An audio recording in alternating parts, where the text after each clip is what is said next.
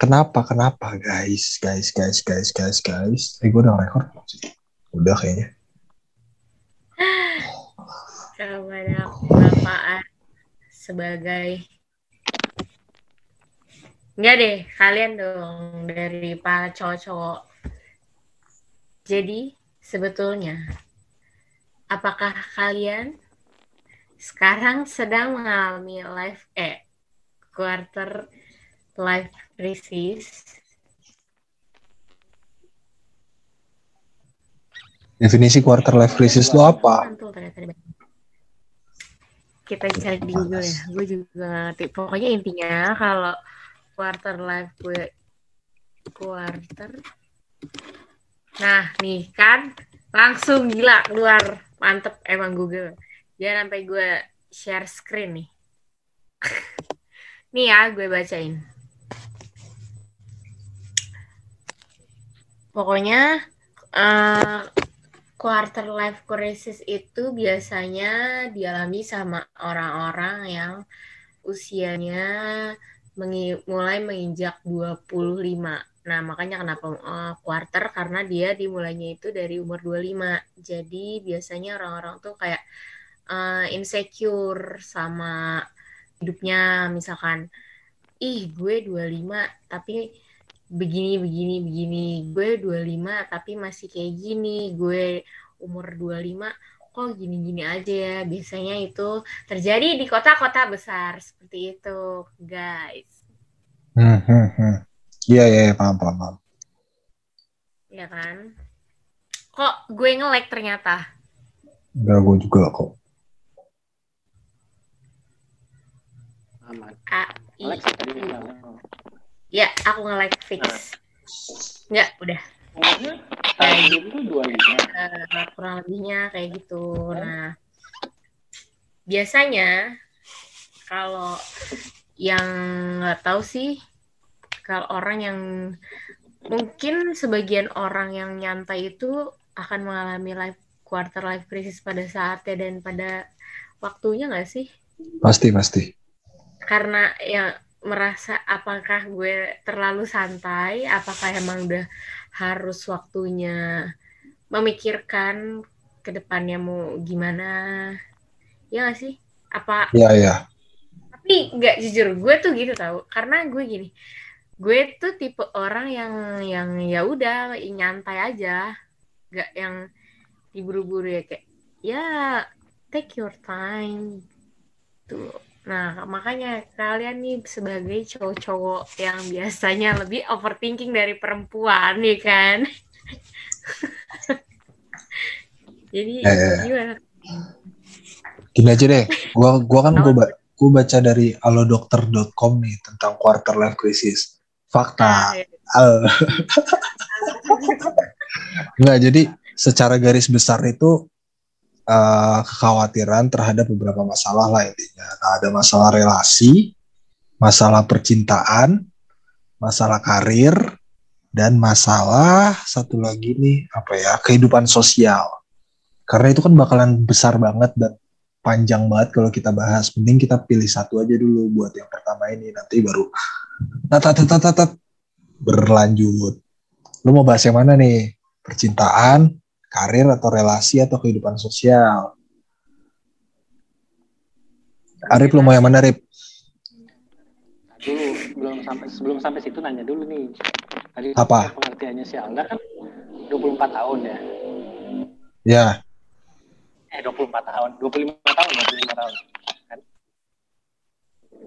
oke. halo Ya, Nah, umurnya 24 gimana Coba. Masih termasuk gak Jangan salah. Lu tahun ini udah 25 lu. Mohon dia maaf. tahu iya tahu ya tahun ini tapi kan belum kan Tapi kan Oh, sudah mulai. Eh, valid nggak datanya kalau misalnya dipakai inti. Itu udah merasa merasa khawatir belum? Bukan masalah klasifikasi umur ini, bukan masalah gimana sih?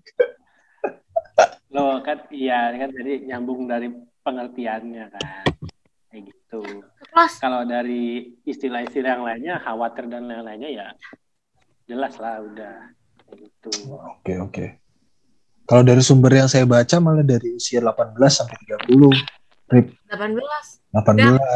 Ini ini sih ini ini di Google is the quarter life crisis real? Eh, mas, sorry, bukan. Mana nih? Mana tadi saya baca ya? Eh, enggak ada deh, tadi hilang ya. Pokoknya kalau di saya itu umur 20 sampai 30. Ya, ya memang rentang-rentang segitulah. Lagi zaman-zamannya mencari jati diri. Ya, betul. Zaman-zamannya labil. Galau. Dari yang mana dulu nih?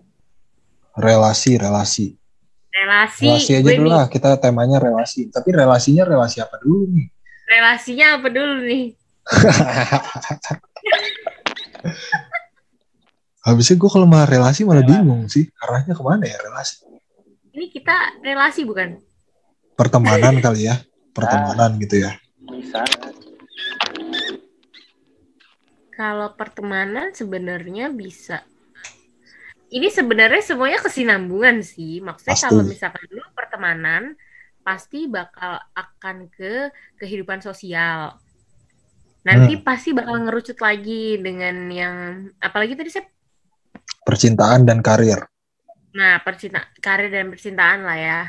Ya. Pasti ini bakal up eh, jadi ya Ih kok gue duluan?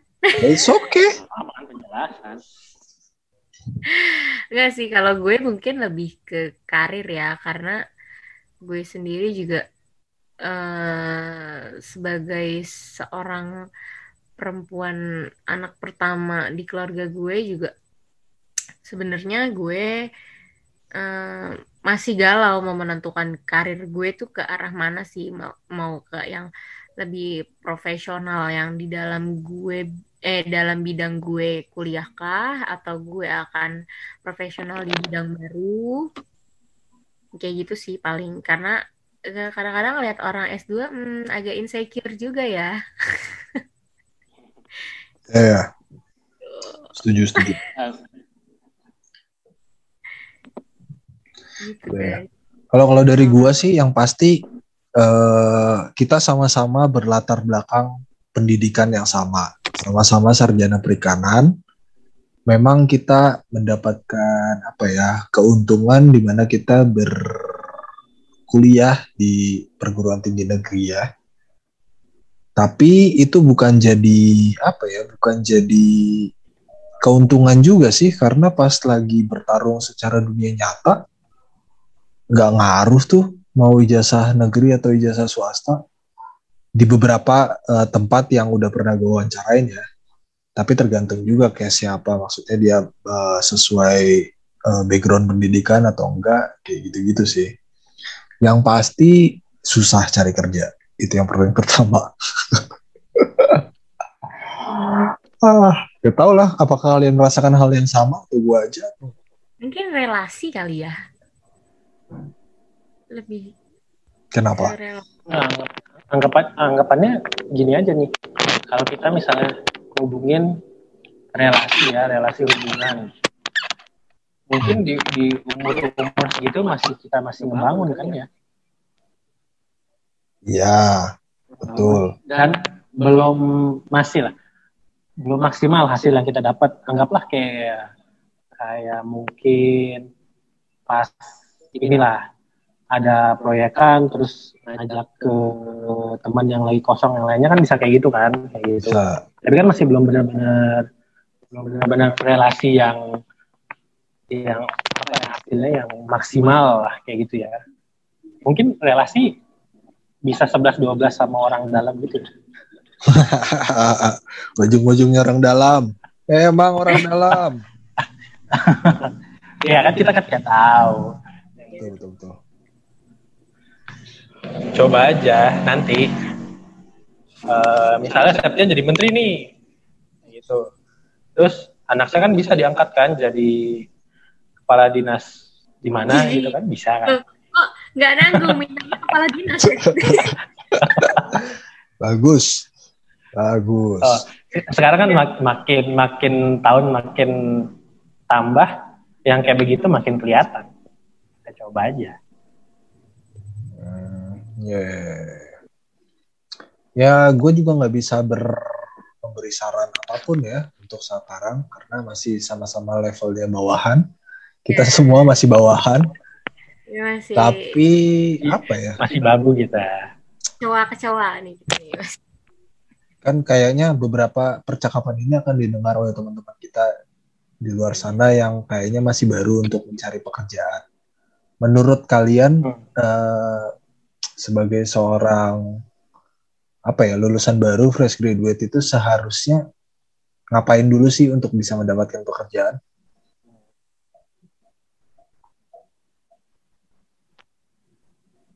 Gimana? Tapi sebenarnya kalau untuk em, buat membekali dia untuk pada fresh graduate itu bisa sejak kuliah sih. Maksudnya kayak eh, lo memperbanyak link atau relasi lo dari alumni-alumni dan lo misalkan deket gitu dengan salah satunya, ya mungkin bisa jadi lo akan ditarik setelah lo lulus atau lo belum lulus terus lo ditarik dan lo akan eh, lulus saat lo bekerja gitu mungkin bisa itu terus eh, buat kalau nggak ada yang link nggak ada link misalkan ya ya paling soft skill sih paling ini banget sih soft skill kayak kalau mungkin karena sekarang era digital ya menurut gue Microsoft itu udah yang paling ini banget sih amat Dasar. soft ya soft skill dasar sih Iya, karena iya. mau kayak apa pun juga pasti kita kan bakal pakai banget Microsoft kayak gitu. Iya, iya.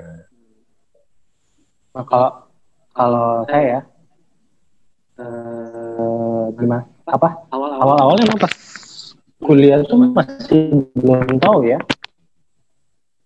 Maksudnya eh,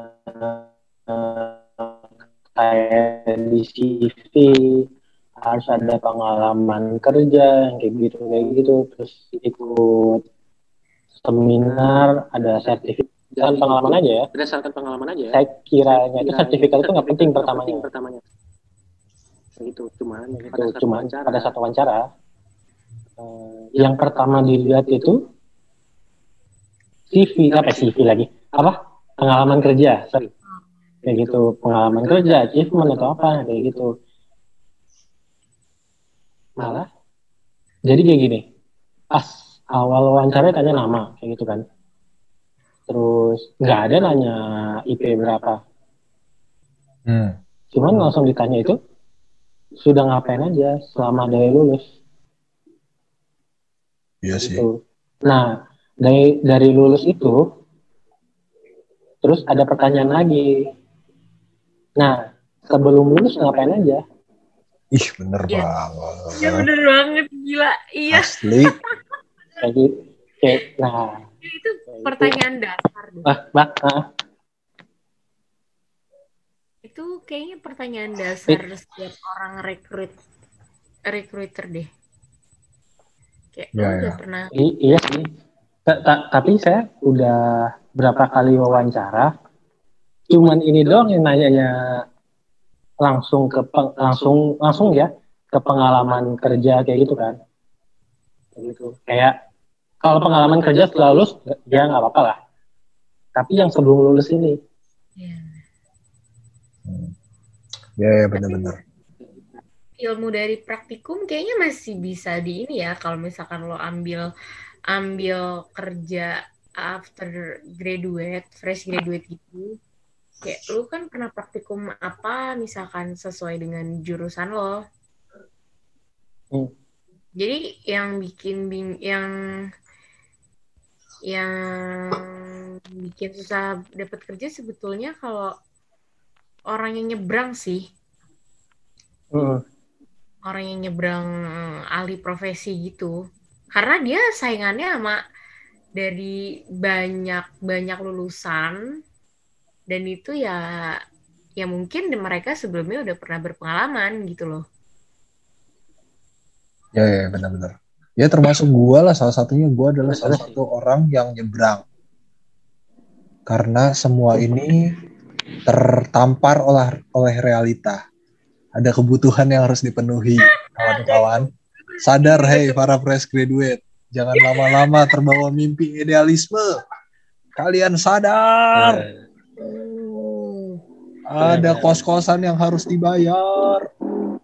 Ada uang bulanan ngasih ke orang tua, hei sadar. Hmm. gitu. Persiapkanlah diri kalian nah dari sekarang. Itu faktor pembatas tuh nggak bisa diapa-apain lagi. ya sharing sharing aja lah. Gue dulu pernah ada eh, dapat proyekan dari Arif. Itu skalanya nasional, kerjasama dengan pemerintahan, kerjasama dengan BUMN untuk tingkat provinsi. Tapi ketika wawancara yang eh, untuk kerjaan yang mana saya kerjaannya ini keluar dari eh, apa namanya tadi dibilang dari Nyebrang. nyebrang Jalurnya. dari jalurnya tidak ditanya, tidak dilihat sedikit pun. Oh Nasional tidak, nasional bos. Itu. Itu gua Sulawesi Barat, bukunya gue yang bikin. Ah. Aduh, kagak dilihat-lihat. Parah, parah, parah, parah. Gitu sih. Dan Iya. kalau menurut gua praktikum juga praktikum lebih ke arah soft skills sih. Maksudnya kayak Hmm. leader, leadership lu dalam memimpin teman-teman lu, teamwork, kerjasama bareng teman-teman lu buat nyelesain masalah, problem solving, yang gitu-gitu tuh itu ngaruh Hmm. banget sih buat teman-teman yang mau daftar untuk uh, cari pekerjaan baru. Ya nggak ada kata terlambat tapi ya bisa dipelajari lah setidaknya. Gitu sih. Kalau gue nggak tahu. Alda, Hmm. lu nyebrang juga kan Dun? Nah lu gimana? Iya iya, karena gue adalah salah seorang yang nyebrang yang tadinya gue mungkin gue sempat menjadi orang yang idealis pengen sesuai dengan jurusan gue. Eh, mungkin ternyata eh, jalan gue nggak ke situ karena pertama gue anak perempuan pertama, jadi orang tua gue selalu mempertimbangkan kalau gue ke tempat yang jauh dengan proyekan kayak gitu mungkin agak kurang ini ya kurang rela kali ya karena anak perempuan gitu. Jadi makanya gue eh, akhirnya membuka lah mata gue. Gue ya udahlah gue legowo gue cari yang lain dan akhirnya gue menyeberang eh, yang bukan gak ada sedikit pun dari kuliah-kuliah gue nih. Gak ada tuh. Gue belajar lagi dari nol.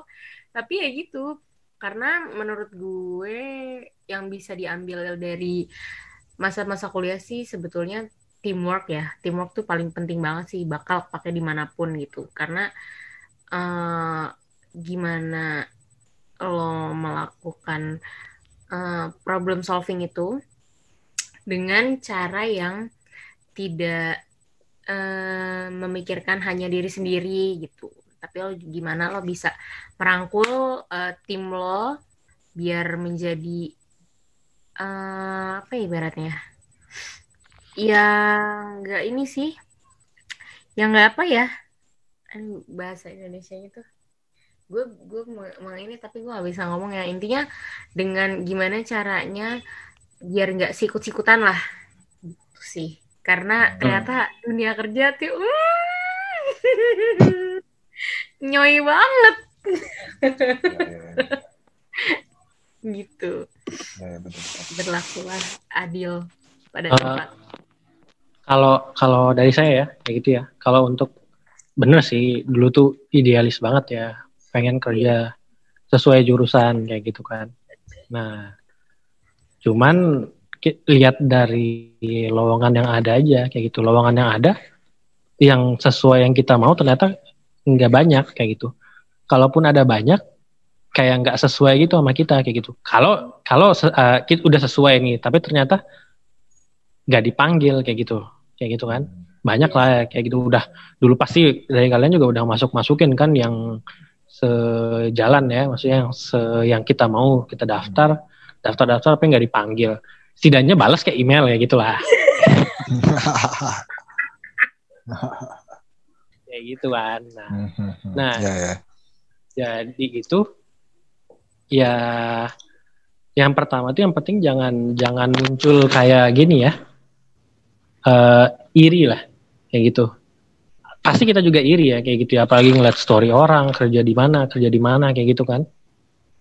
Nah dari dari situ itu dari situ kita udah iri plus idealis lagi. Kita pengen maunya di yang kita mau kayak gitu.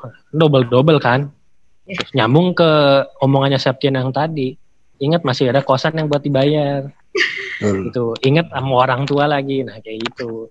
Awalnya se- setelah lulus setelah lulus adalah proyekan ya sebelum eh wisuda ya benar. Masih ada proyekan saya nah cuman dari dari mikir-mikir dari situ tuh awalnya mau idealis ah, paling bisa nih pede aja sama pengalaman pengalamannya kan. Ternyata ya itu email nggak dibales kayak gitu. Terus nyoba nyoba. Nyoba nyoba. Saya itu ada wawancara di apa sih tempat kayak penjagaan pembekuan daging ayam kayak gitu tuh. Itu ada tuh. Eh limit ya? Iya. Bye.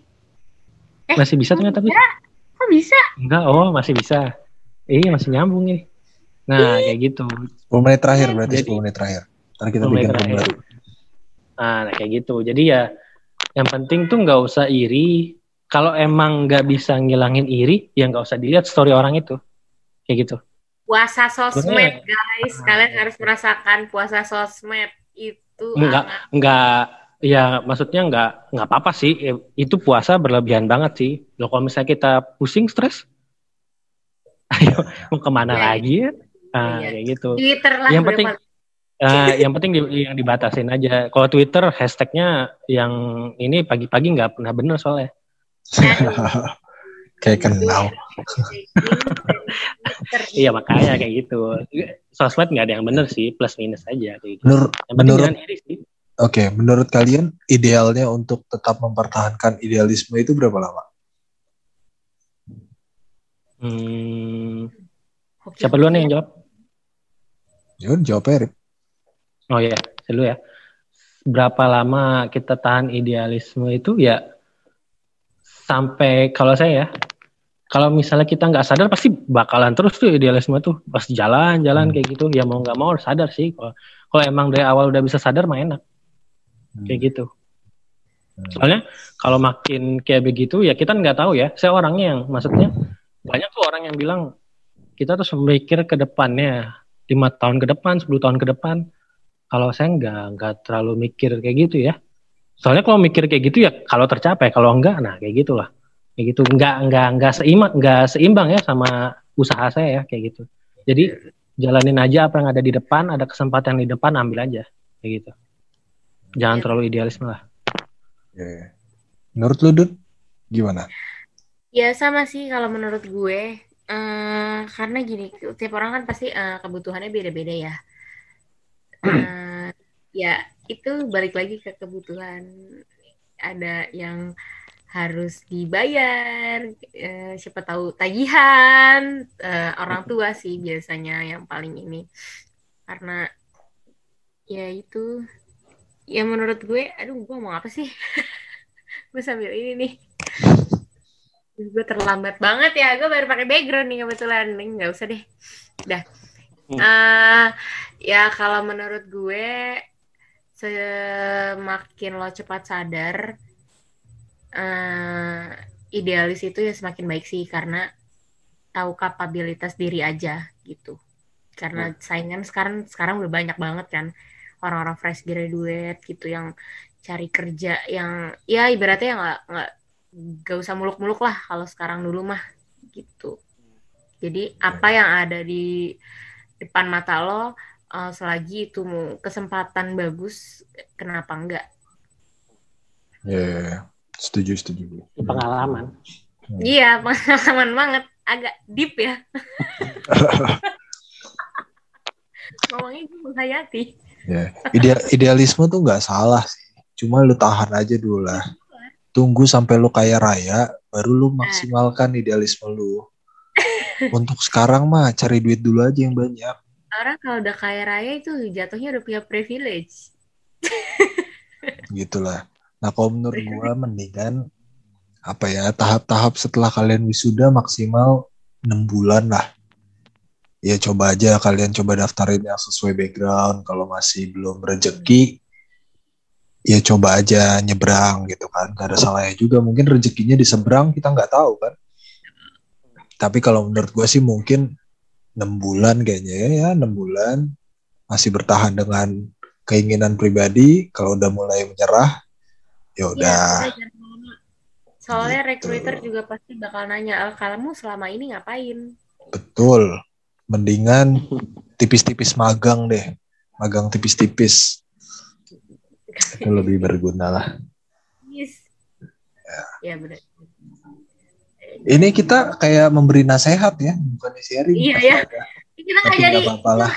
nggak apa-apa lah. Mungkin buat teman-teman yang mendengar ini semua semoga bisa diambil baik-baiknya aja karena ya kita juga beda-bedanya nggak jauh lah. Beda cuma dua tahun setahun. Mungkin lu bisa jadi bos gua suatu saat ya gue juga nggak tahu kan. Atau gue juga tetap jadi bos kalian ya ya mungkin aja. Tapi ya semoga nasihat ini membantu lah ya ya udah. Untuk sementara sekian dulu ya guys. Nanti kita lanjutkan di sesi-sesi berikutnya. Thank you Dun. Thank you Rip. bye